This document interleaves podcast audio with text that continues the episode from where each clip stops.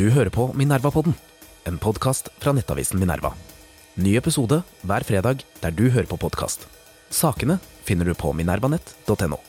Hei og velkommen til Minerva-podden. Mitt navn er Nils Just Andresen. Jeg er ansvarlig redaktør i Minerva. Med meg i dag har jeg deg, Øystein Sjøli, høyskolelektor ved Høgskolen i Innlandet i økonomi, og spaltist i Minerva. Velkommen. Tusen takk. Du, du, har, eh, du har havnet i konflikt med hele etablissementet, mer eller mindre.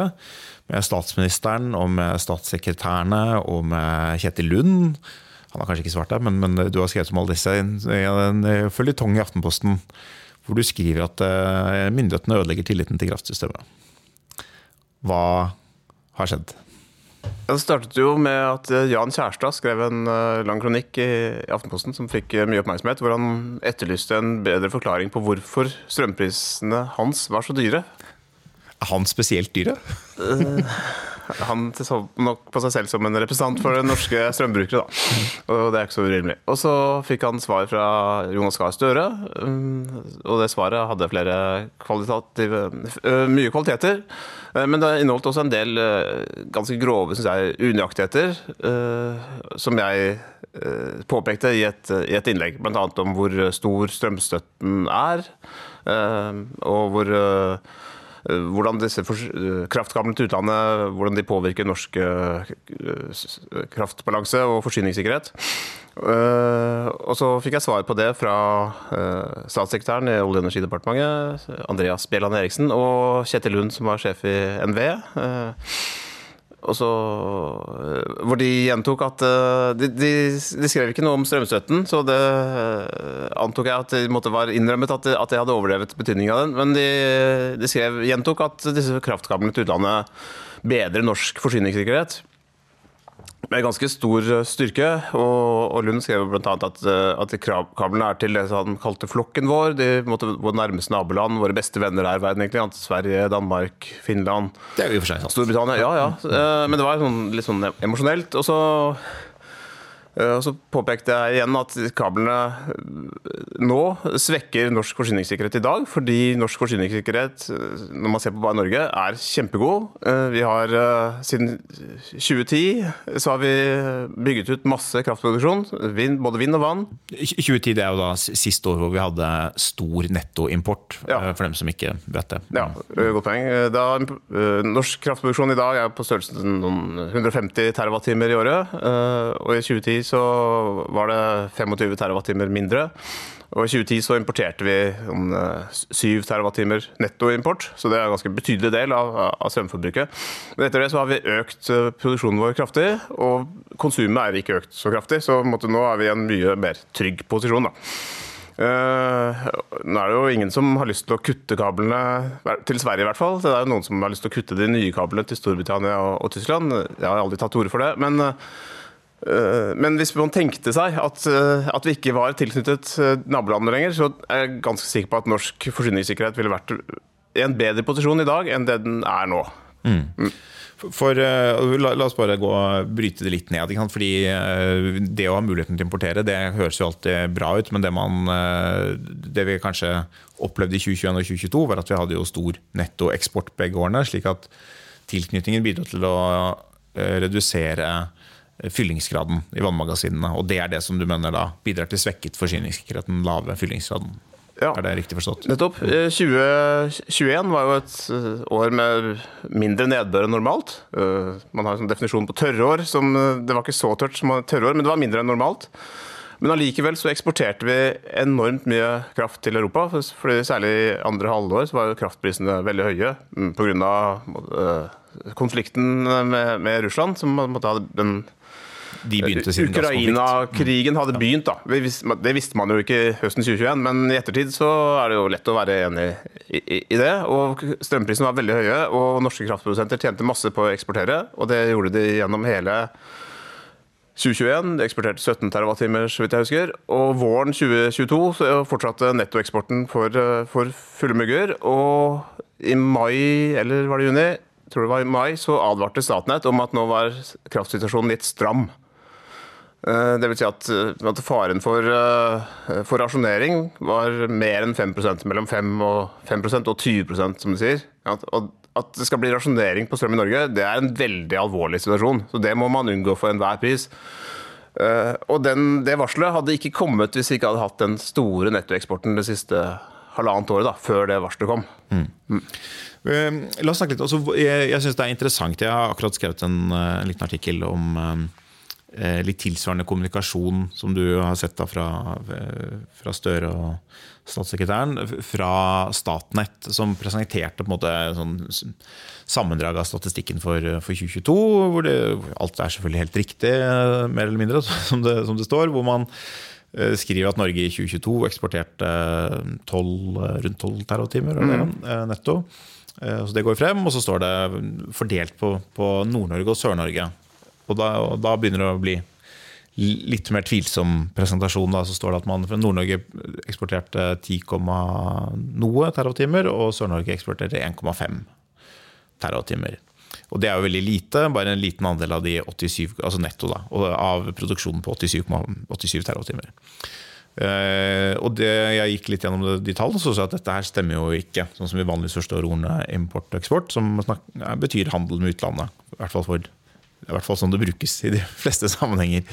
Uh, og det som er tilfellet, er jo på en måte at når man ser på Sør-Norge, så, så, snakker man om kraftflyt inn og ut av Sør-Norge. Og da er det 7 TWh eksport til utlandet, og så er det 5,5 TWh import, som de kaller det, da, fra Nord-Norge. Som de fleste andre ikke ville kalle import. Og det det på en måte gjør, er at det er egnet til å underdrive hvor stor nettoeksporten i disse kablene Eh, har vært nettoeksperten i, nye, altså i kabelen under Nordsjøen, nye og gamle i og for seg, eh, var da på 10,7 terrawattimer. Men ganske mye. Og det, ikke, det, trenger ikke være noe gærent i det. Altså det. det. som jeg reagerer på, er hvorfor er det man liksom forsøker å, å, skjule det i den, grad det er, i den grad det er et bevisst forsøk på det. Jeg frykter nok at det er det. Og hvor, hvor, hva, tenker du, Hvorfor er det man hvorfor er man så opptatt av å fremstille som disse kablene akkurat nå har bidratt til forsyningssikkerheten? Eller hva, hva er det man det er et godt spørsmål. Jeg, jeg også syns det er veldig nærliggende å tenke at når Statnett kaller det import, når, måtte, når bergensområdet kjøper noe fra Trøndelag, så er det import så er det et mm, mer eller mindre bevisst forsøk på, på, å tilsløre noe, eller for å tegne ting på en annen måte enn, enn det faktisk er. Statnett, det er jo Statnett som eier disse kablene til alle, alle kablene til utlandet. Eh, og de var jo en sterk pådriver for å, for å, bygge de nye. Det var ikke så veldig stor konflikt eh, om det, selv om Stoltenberg, eh, som var statsminister, var litt skeptisk. Hvert fall til å, han ville i hvert fall ikke bygge flere enn de to som Statnett fikk gjennomslag for. Så det har vært litt sånn bundet av den måte, institusjonelle ja, historien. Da. At de, siden de gikk inn for dette her først, så, så vil de måtte prøve å under, underdrive de uheldige konsekvensene uh, som kanskje har vist seg nå. Men jeg, jeg syns det er ganske alvorlig at, at, forvaltningen holder på sånn. For det, alle gjør jo feil iblant, og det er jo lett å forstå at Statnett ikke kunne forutse at det skulle bli konflikt med Russland, og at kanskje uh, kraft situasjonen i Europa har blitt enda dårligere enn det så for seg i 2013. Tyskland har kanskje lagt ned flere kjernekraftverk enn man ante. Kanskje, ja. Og det hadde jo, tror jeg, bidratt til å, å skape mye bedre tillit hvis, hvis, man innrømmet at man hadde gjort noe feil, at man, noen hadde oversett og at ting ble annerledes enn man, enn man trodde. Det er jo veldig, veldig normalt at, at det gjør det. Eh, men at man i stedet forsøker å kalle handel internt i Norge som for import og eksport, det syns jeg ikke bidrar til å, til å bygge tillit. Nei, og jeg, jeg synes det er eh, også litt rart. for man kunne, altså Det er jo på en selvfølgelig en pågående diskusjon om eh, kablene. og Trond Giske har vært ute og vil eh, på en eller annen magisk måte ønske dem bort. på en eller annen måte. Det er jo, jeg tror nok at det er veldig vanskelig å når de først nå er bygget. Og, og der vil jeg ikke Kjetil Lund rett. Altså, dette er våre nærmeste allierte. og Norge er i og for seg storeksportør av energi, både kraft og, gass. Og vi har lett for å tenke på oss selv av og til som en supermakt som kan diktere våre vilkår med, med Europa. Men, men, eh, Norge er en stor importør av sikkerhet. Og vi er, en, eh, vi er veldig avhengig av vår øvrige eksport av varer og tjenester. 60 eh, av BNP. Så, så liksom vi er en miniputt, og vi er avhengig av omverdenen. Og vi er også gode allierte med disse landene. Så det å begynne å kutte disse kablene nå, eh, det har noen politiske ringvirkninger som er helt eh, uoverskuelige. Det er liksom det, det ene. Det andre bildet er at det, det er i og for seg helt plausibelt, og man kan krangle om masse elementer ved kraftpolitikken, men det er plausibelt at over de neste ti årene så kan kraftsituasjonen i Norge bli strammere da, kan det, da kan disse kablene kanskje være et viktigere bidrag til, eh, til forsyningssikkerheten i, i enkeltår. Det er fullt mulig. Så, så, så man, jo, man, kunne godt si akkurat nå har dette vært eh, ført til en del problemer i Norge. Så Vi har tjent masse penger på det, selvfølgelig, men de har gått til staten. Det har ført til problemer for, for Jan Kjærstad. Da, det, er det, det, er er, det er det som er velgernes opplevelse. Dette har ført til en rekke problemer. Det kunne man jo godt ha sagt.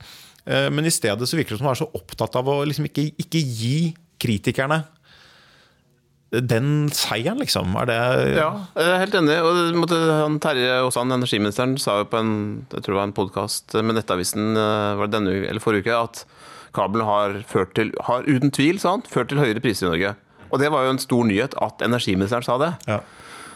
Uh, og det har jo vært en utrolig lang kø av uh, folk både fra, uh, måtte, fra politikken og fra forvaltningsorganene og fra måtte, ulike forskergrupperinger som gjerne er finansiert av, av, kraftbransjen, som har sagt at kraftkablene ikke har ført til økte priser. Ja, eller helt og, marginalt, liksom. Eller. Ja, eller bitte lite.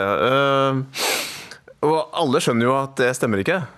Eh, det er jo helt åpenbart at når det bedre transmisjonsmekanismer det fører til prisutjevning mellom to områder.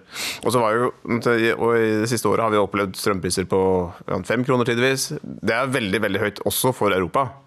Eh, så vi, så vi pleier ikke det. Men det er veldig pussig at man underspiller det, at, at kraftkablene fører til dette her. Men eh, om det med Kjærstad Det som han og veldig mange, og nesten jeg også, lurer på, er jo at ja, strømprisen i Europa er fem kroner. Uh, men den, uh, altså, vi har tjent penger på å eksportere kraft til Europa. Men veldig mye av kraften, 90% eller noe, brukes jo internt i Norge fremdeles. Hvorfor skal Og vi har ikke noen valgmuligheter. Det er forbudt å fyre med olje. Og, vi bruker strøm til veldig mye som det ikke er mulig å substituere seg bort fra. Man kan ha det kaldere inne, men det er jo et vel, stort velferdstap for mange. Vi har det kaldere inne. Ja. det er jo ikke noe spesielt gøy, det. Um, så, hvorfor må vi betale fem kroner til staten for samme, det samme produktet som vi kjøpte for 30 øre for et år siden? Så det, det, er interessant at det er sånn, Jeg tror det kan finnes noen forklaringer på det. Jeg vet ikke om de er gode, men jeg, jeg har noen sånn skisser til forklaring. Men det er interessant å sammenligne hvis vi ser på strømprisen som en slags nasjonal, strømkrisen som en slags Og selvfølgelig sammen med Ukraina-krigen. Så har det på en måte vært en slags krisetilstand da, i, i, hele Europa egentlig det siste halvannet året. Det fulgte jo etter to år med, med koronakrise. Og Det er litt interessant å sammenligne myndighetenes uh, agering. Uh, sånn Solberg-regjeringen, uh, ikke for å gjøre det til partipolitikk, da, men altså Solberg-regjeringens håndtering av koronakrisen etter at de først liksom kom på ballen med 12.3.2020, så var det på en måte pressekonferanser husker, husker det som om det var daglig pressekonferanse med Bent Høie og ofte med Erna Solberg og med justisministeren og med Camilla Stoltenberg og liksom alle sammen. De sto der, de fire, på sånn, sånn sal med god distansering, selvfølgelig.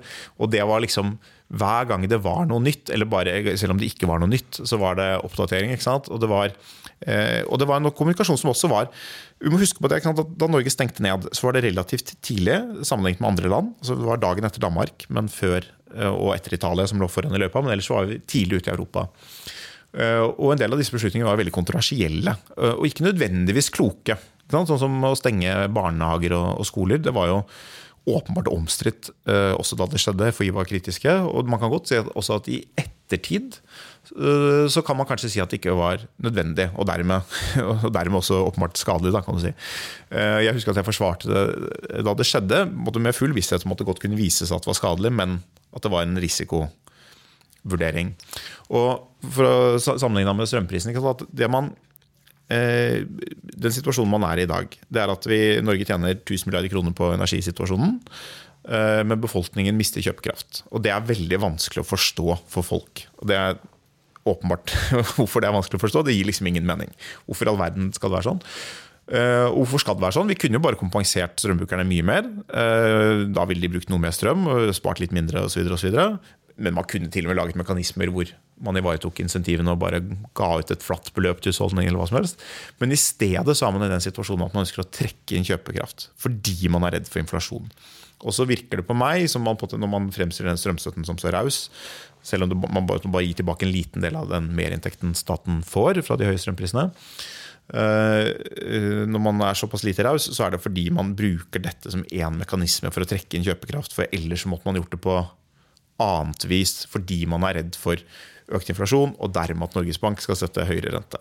Og så er jo det et kjempestort og vanskelig faglig spørsmål, fordi mange økonomer mener nei, det bidrar ikke til inflasjon. Tvert imot, ved å redusere strømprisene innenlands så kunne du redusere inflasjonen. og Uansett så er ikke inflasjon kanskje så farlig. Dette var et tema i NRK-debatten for et par uker siden. Eh, så det er, en stor faglig diskusjon. Med en gang man går inn i det spørsmålet, så oppnår man en faglig diskusjon med masse usikkerhet. Men da kunne man gjort her kommer koronasammenligningen, da kunne man både gjort da, som Erna Solberg gjorde med barnehagestenging, og si ja, her er det masse usikkerhet. Eh, og vi erkjenner det, og vi erkjenner skadevirkningen av det vi gjør. Og dette er grunnen til at vi gjør det. Og så måtte hele tiden, og uke, to uker etterpå så man, kommer man tilbake til saken og vurderer det igjen. da. Så dukker det opp stadig nye spørsmål, selvfølgelig. Sånn som det var med korona. Da kommer det noe innreisegreier, og det er hele tiden noe nytt tull. Men da har man hele tiden en opplevelse at myndighetene de har faktisk en plan. Eh, de, de, vurderer denne planen hele tiden. Eh, dette er målsettingen, dette er virkemidlene. Og, og, og statsministeren er synlig i det som skjer. Men Støre har jo nesten vært fraværende i hele den debatten, og det skaper da dette denne usikkerheten hos en av Arbeiderpartiets kjernevelgere, da, Jan Kjærstad, som er, er uh, ursosialdemokraten blant, blant forfatterne. Ja, eh, jeg er kanskje litt ulik. Jeg savner ikke de daglige pressekonferansene. Men, eh, men, men, de kom kanskje litt også fordi det ikke var mulig å ha noen plan. For det skjer så mye uforutsett. Og, det, og det, særlig den koronasituasjonen var jo veldig ja, Da skjedde det mm. veldig mye. Så, men jeg er enig i at det burde kanskje vært flere pressekonferanser nå. og det ble jo han, Aasland igjen snakket jo om den det, styringsmekanisme eller noe, for å, for å redusere import, for å redusere eksporten hvis, hvis, hvis vi er i en veldig stram situasjon. Og Den mekanismen har han jo snakket om nå i mange mange måneder. Og det er fremdeles helt i det blå hva det skal være. Han snakker om at det skal være en lovfesting av samfunnsansvaret til kraftprodusentene. Hva betyr det? Hvordan, er, det alle kraftprodusentene? Den, en bonde som har en 8 megawatt uh, turbin i bekken sin, er det, er, har han ansvar for forsyningssikkerheten i landet? Det er veldig veldig uklart. Ja, Hvordan skal selv Statkraft, hva betyr, altså, hvordan skal de utøve dette samfunnsansvaret? Det er jo ikke klart. for når regjeringen ikke har sagt hva det betyr. Altså Er det samfunnsansvar å tjene penger når prisene er høye til statskassen? Er det jo, liksom, hva, hva, er det for noe? Ja, det, det som er det normale samfunnsansvaret, er jo å tjene så mye penger som mulig. Fordi markedssystemet her er jo, er jo godt. Men markedet er jo altså, en god tjener, for å sitere Stoltenberg. Eh, de allokerer ressurser der hvor de, har, der hvor de gjør best, best, nytte for seg. Mm. Mm. Jeg tror kanskje noe av det som skjer, altså at regjeringen, grunnen til at man, ikke, man får inntrykk av en klar linje, at regjeringen Eh, slites jo mellom ulike hensyn. Hvor en gruppe mennesker og interesser syns at det som skjer nå, egentlig er helt fint. Altså at det er eh, vi tjener masse penger på eksport, det er samfunnsøkonomisk lønnsomt. Prisene blir høyere, vi får fine insentiver til å spare strøm. Strålende.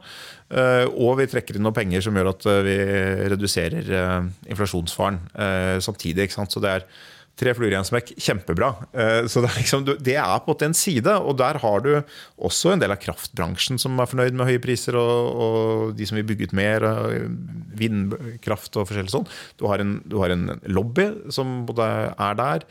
Eh, og du har en del klimavelgere som kanskje også er der. Og, du, og, folk rammes jo veldig ulikt av høye strømpriser. Hvis du bor i en, en leilighet uh, som uh, får varme fra etasjer under, og sånn, så, så, er ikke denne, så er ikke strømutgiftene så høye at du merker det. Hvis du bor i en stor enebolig uh, med kald kjeller, liksom, så er det ja. helt annerledes.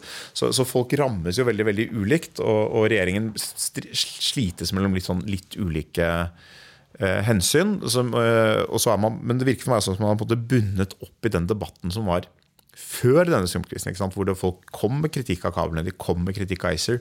Og jeg tror regjeringen syntes at de var populistiske og dumme og fæle og nasjonalistiske og anti-EU og anti-klima og masse sånne ting. Og det at de liksom skulle få litt rett, det smerter nok veldig mye. Ja, det kan nok være mye i det også. Det som, som også Statnett kanskje kjenner på, eller i hvert fall sånn, ikke bevisst kanskje, men i hvert fall sånn ubevisst, at man har, at man har tatt feil. Det er vanskelig å innrømme feil. Men det er veldig for meg i hvert fall, og jeg tror for veldig mange, så så skaper det tillit hvis man, når man tør å innrømme feil. Og i hvert fall tør å innrømme usikkerhet. Når det er åpenbar usikkerhet, så må man innrømme, det. På den pressekonferansen med Kjetil Lund og Jonas Gahr Støre og Terje Aasland forleden, så var det jo snakk om ja, hvordan økte fyllingen av magasinene i fjor høst. For den økte jo veldig kraftig. Og så har det vært påstått at det var fordi myndighetene ga beskjed til kraftprodusentene om at de måtte holde igjen. Og Det er jo en synes jeg, merkelig måte å styre et land på, å gi beskjeder. Uh, Da sa Lund at, uh, at, det kan godt hende at dette hadde skjedd uansett. For prisene var jo veldig høye, og, et, og fremtidsprisene, forventningene til prisene i vinter var også veldig høye. og Det er jo et sterkt eh, insentiv for uh, selskapene til å holde igjen. Å, uansett hva slags beskjeder som kommer fra, fra myndighetene. Ja, så, så, det er veldig fint at Lund måtte gi uttrykk for den usikkerheten. da, At måtte, hva har skjedd? Jeg vet hva som har skjedd, men vet ikke helt hvorfor. Det, ja. Og da, da minner det mer tilbake i den koronahåndteringen. At ja. man, har, man, kommer med denne faglige usikkerheten som Camilla Stoltenberg liksom hele tiden kommer med. Vi, ja. vet ikke ordentlig. Ja. som skaper uh, tillit. Ja, det er betryggende. At, at ja, alle skjønner at det er usikkert. Ja, Da man, kan man ikke late som det ikke er sikkert. Og så komme med en sånn, ja så skal vi snakke litt om fremtiden. Eh, altså, du, du, har argumentert for at eh, kabelen ikke har gitt oss forsyningssikkerhet disse to årene. Men så er spørsmålet hva skjer med, med fremtiden. og Nå kommer Energikommisjonen og pekt på stort behov for, for utbygging. Hva, hva, tenker du egentlig om tiden fremover? Altså, er vi egentlig i en god situasjon der vi måtte bare la være å bygge alskens idiotiske elektrifiseringer og nyte vår gode kraftbalanse og, og kutte kabler, holdt jeg på å si? Eller er, vi, eller er vi i en situasjon der det kommer til å bli vanskeligere? Eh, eh, for det første så vil jeg ikke anbefale å kutte kablene. Men det har vært et forslag om å, eh, å redusere nettoeksporten. At man skal ha noen eksportbegrensninger hvis fyllingsgraden i magasinene i Sør-Norge er lav. Jeg synes Det høres ut som et fornuftig forslag. Kompromiss som gir legitimitet, kanskje? Ja, fordi Grunnen til at prisen blir så høy, er denne nettoeksporten. At man har en marginkjøper som er villig til å betale veldig mye. Da blir prisen veldig høy for alle oss andre også. Eh, og landet tjener penger på det, men det er bare lite grann. Vestparten av de pengene er utgifter for husholdningene og bedriftene i, eh, på fastlandet til staten. Så man skal ikke ha så veldig sterke begrensninger på eksporten før, før det får store betydning for vanlige folks strømutgifter, da, tror jeg. Ja, For prisdannelsen i innenlands, rett og slett. Ja. Uh, hva som skjer fremover? Ja, Det er spådd et sånn kraftunderskudd uh, etter hvert. Det, det, tror jeg ikke vi får. Fordi, og Grunnen til det er at den uh, kraftkrevende industrien i Norge er jo veldig stor. Den er stor i kraftbruk. Den bruker vel i hvert fall en tredjedel, eller innpå en tredjedel av, av nasjonens samlede forbruk. Og den kraftkrevende industrien er i Norge fordi strøm er billigere. Så hvis vi skal begynne å importere strøm til den industrien, ja, Vi kan selvfølgelig bruke masse penger på å subsidiere den, eller jeg vet ikke om vi kan det engang, etter EØS-reglene. Men den kommer til å forsvinne. Uh, og de minst lønnsomme Jeg kjenner ikke detaljene her, om, om det er aluminium eller silisiumsverk eller manganprodusenter som forsvinner først. Men, men, den kommer til å bli bygget ned. Det er jeg ganske sikker på, hvis vi skal ha en situasjon hvor Norge skal ha europeiske strømpriser. Ser, Hydro har jo bygget et, et enormt altså, verk i Qatar. Hvis vi ikke bygger mer kraft da vil prisene gå opp, og da vil noe legge ned, og så vil kraften bli billigere igjen. Ja. ja. Mm. Uh, det er jo mange steder i verden hvor man ikke må betale to kroner per kilowattime. Mm, man kan jo, Qatar er jo, er jo blitt Europas, en viktig bensinstasjon for Europa. Men det er jo, og man kan jo tenke seg at det er store områder, mange land i Sør-Amerika som har store utnyttede gassressurser. Afrika, ja, Mosambik, Tanzania finner, finner gass. Ja. Og det må være fristende for eh, kraftkrevende industri, særlig aluminium er, krever jo enormt mye energi, å legge sånne produksjonsvirksomhet der hvor energi er mye billigere. Det var jo derfor den er i Norge. Eh, og hvis vi skal importere energi til den virksomheten, så tror jeg ikke den har livets rett her. Um, noe annet som vil skape kraftunderskudd i Norge, det er jo olje, oljesektoren som skal elektrifiseres. Den er jo elektrifisert til dels allerede. Bruker noe sånt som inn på 10 TWh, som er 25% av hva husholdningene bruker. Så det er kjempemye strøm.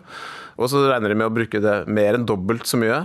Uh, altså det, Melkøya er et stort sånn eh, gass gassifis... Nei, ja, et anlegg for, eh, for å ta i land gass og sette det på sånn tankskip. Og det skal nå elektrifiseres. Eh, Det skal bruke 4 TWh i året. Det er 10% av alle husholdningene i Norge. Det minner jo om galskap, syns jeg. Når man, når man eh, tenker at vi skal gå mot en situasjon med kraftunderskudd, og da, og da skal pålegge oljenæringen eh, å elektrifisere sine anlegg. Det virker som å Ja, det virker veldig, veldig Du, du sier pålegg. Altså, Bare ta en liten diskusjon om det. For det har jo vært eh, Det ligger jo litt hos Energikommisjonen, og det ligger også i den temarapporten som kom om elektrifisering av sokkelen.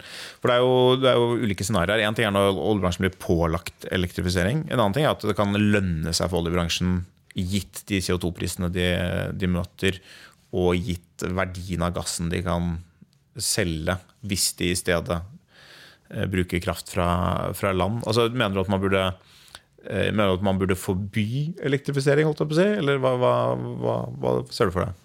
Jeg ser i hvert fall for meg at man ikke skal pålegge det. Ja, Det må være et første steg. Og så må man jo vurdere Man vurderer jo om ting skal få lov til å bygges eller ikke. Det er jo Statnett er som øh, ja, Hvis en en, noen har lyst til å bygge en fabrikk et sted som skal bruke så og så mye strøm, så må man jo søke Statnett om det. Og kan vi få den strømmen her om fem år? Og da kan Statnett si nei, det tror jeg ikke dere kan få. Så da blir det jo ikke noe fabrikk. Men, den, men Melkøya skal jo få strøm. Ja. Altså, jeg, jeg fulgte eh, lanseringen av uh, Temas rapport, og jeg hadde også Berit Tenbakk her på, på podkast. Vi snakket om, om det. Eh, jeg ser mange altså, Det er interessant. Jeg, jeg, skjønner hvorfor det kan være økonomisk rasjonelt å gjøre det og, eh, for, for oljeselskapene. Og eh, hvorfor det kan være et effektivt klimatiltak eh, i en del sammenhenger, i hvert fall. eh, Sånn som vi måler effekten av klimatiltak innenfor det europeiske systemet. Eh, Og så er det på en måte en diskusjon altså det, det vil jo da gjelde de som har en lavere tiltakskostnad enn kvoteprisen. Og så er det jo lagt opp til at man skal elektrifisere mer enn det. Også de som ligger lavere enn den norske CO2-prisen, som er mye høyere enn kvoteprisen i Europa. Men, men eh, det er jo interessant her, og det er på en måte at premisset for at dette må skje, det er jo klimamålene, Parisavtalen i 2030. Så at vi, å nå innenlandske klimamål uten elektrifisering av sokkelen, det er vel mer eller mindre umulig. Det er kanskje mer eller mindre umulig selv om man gjør det, men, men det liksom, uten så er det i hvert fall umulig. Og, og jeg synes det er interessant, fordi det er um, Og jeg er ikke helt sikker på egentlig akkurat hva, hva jeg mener om det heller. At det er når det premisset ligger fast, så får det masse konsekvenser. eh, Og de har igjen mange konsekvenser av typen dette gir en mer anstrengt kraftbalanse, dette gir høyere priser, dette gir sinte forbrukere, eh, fattigere forbrukere eh, og mange andre, mange andre ting. Men så har det vært en ganske tverrpolitisk oppslutning om det premisset som ligger fast. Da. Og i og for seg vil jeg tro også et flertall i befolkningen som har støttet det. Så det er sånn på en måte man har målkonflikter som man ikke klarer å håndtere. Hva, hva, hva tenker du om dette klimamålet 2030 og, og er- dets rolle i elektrifiseringsdebatten? Ja, det er jo åpenbart uh, derfor uh, sokkelen blir elektrifisert. Uh, og det, er, det klimamålet jeg er ganske sikker på at det ikke blir nådd. For Norge selv, eh, og for verden selv. Eh, Jeg syns det er litt beklagelig at, at i norsk klimadebatt så fremstilles det som om de norske utslippene fører til eh, tørke i Sør-Europa og flom i Pakistan. Og, ja.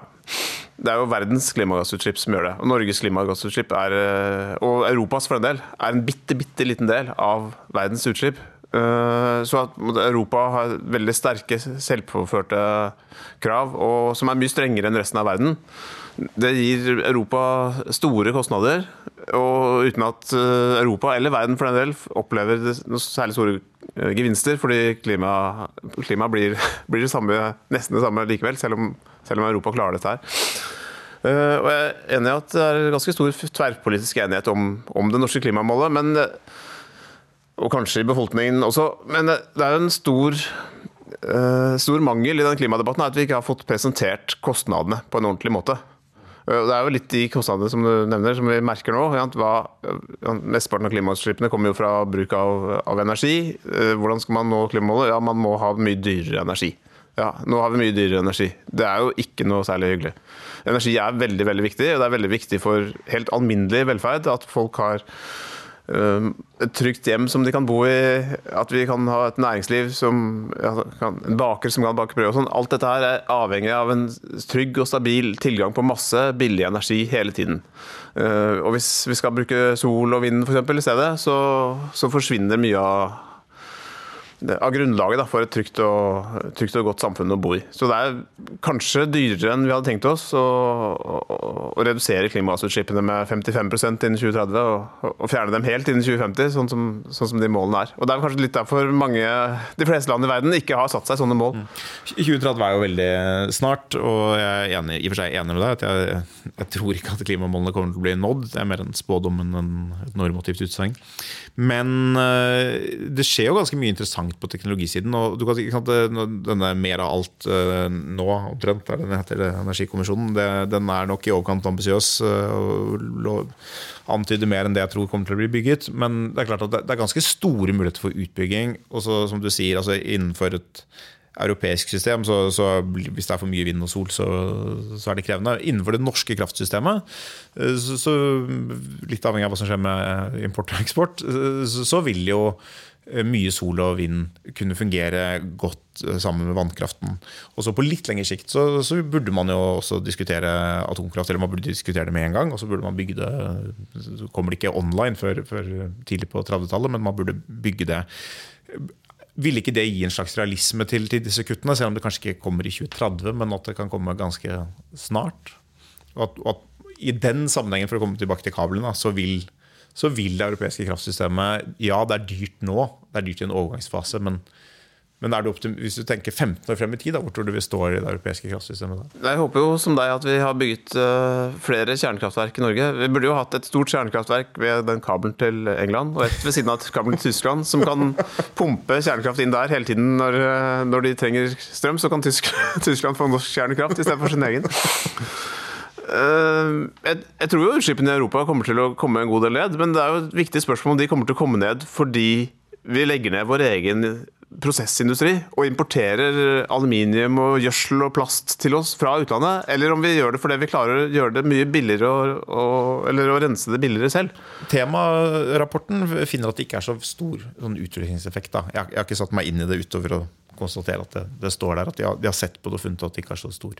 Ja, det, men vi har jo Energibruken i Norge falt jo en del i fjor, og i samme Europa. Uh, uh, og det har jo vært ganske mye prosessindustri som har, satt, som har gått på halv maskin. Da. Vi produserer omtrent halvparten så mye kunstgjødsel som vanlig.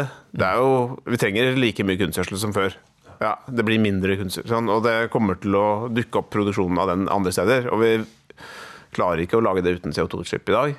Uh, vi vet hvordan det skal gjøres, men vi klarer ikke å lage det i de enorme mengdene som skal til. Og det tar veldig, veldig lang tid. å, å skifte ut hele energisystemet. Fordi det er så mange veldig langsiktige investeringer som skal gjøres. Innenfor et 15-årsperspektiv så kan det ganske mye gjøres. 15-20 år. Ja, men vi har jo subsidiert elbiler ganske ivrig i Norge. Vi bruker jo nå ja, i størrelsesorden 30 milliarder kroner i året. Det er mye penger på momsfritak og alle slags fritak for elbilene. Og nå er det vel sånn 25% av norske biler er elbiler. Og det har vi gjort i mange år. Mm. Og vi, og vi har billigere og bedre strømsystem enn de fleste andre land. Men allikevel er det bare etter mange mange år så er det en fjerdedel av bilene som er elbiler. Så det tar veldig lang tid å skifte ut alle. Og så skal vi begynne med traktorer og lastebærere og Ja, ikke sant. Så, ja. så, det tar lang tid. Men ja. nå, bare for å være mer sånn Skal jeg være teknologioptimisten her, da. Så, nå er vel 80% av nybilsalget elbiler. Ja, så, minst. ja, minst. Så, nå vil det gå ganske fort fremover. Ikke sant? Det har tatt veldig lang fra, fra, starten så har det tatt lang tid. Teknologien var ikke der, rekkevidden var ikke der og sånn. Men nå går det ganske fort.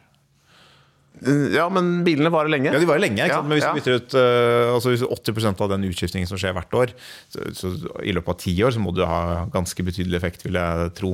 Ja, uh, men så er bil- og privatbilismen står for sånn 6 eller noe av norsk utslipp. Da, så, måte, ja. så man må så, gå videre derfra. Ja, mm. så, men poenget er bare at det tar veldig, veldig lang tid. Og uh, jeg tror ofte man undervurderer litt hvor lang tid det tar. Og det skyldes etter min syn litt at man ikke har sett på kostnadene. Når man har bestemt seg for et klimamål at vi skal redusere utslippene med 55% innen 2030, så er ikke det Det har ikke vært grunnlag for en nytte-kost-analyse, da.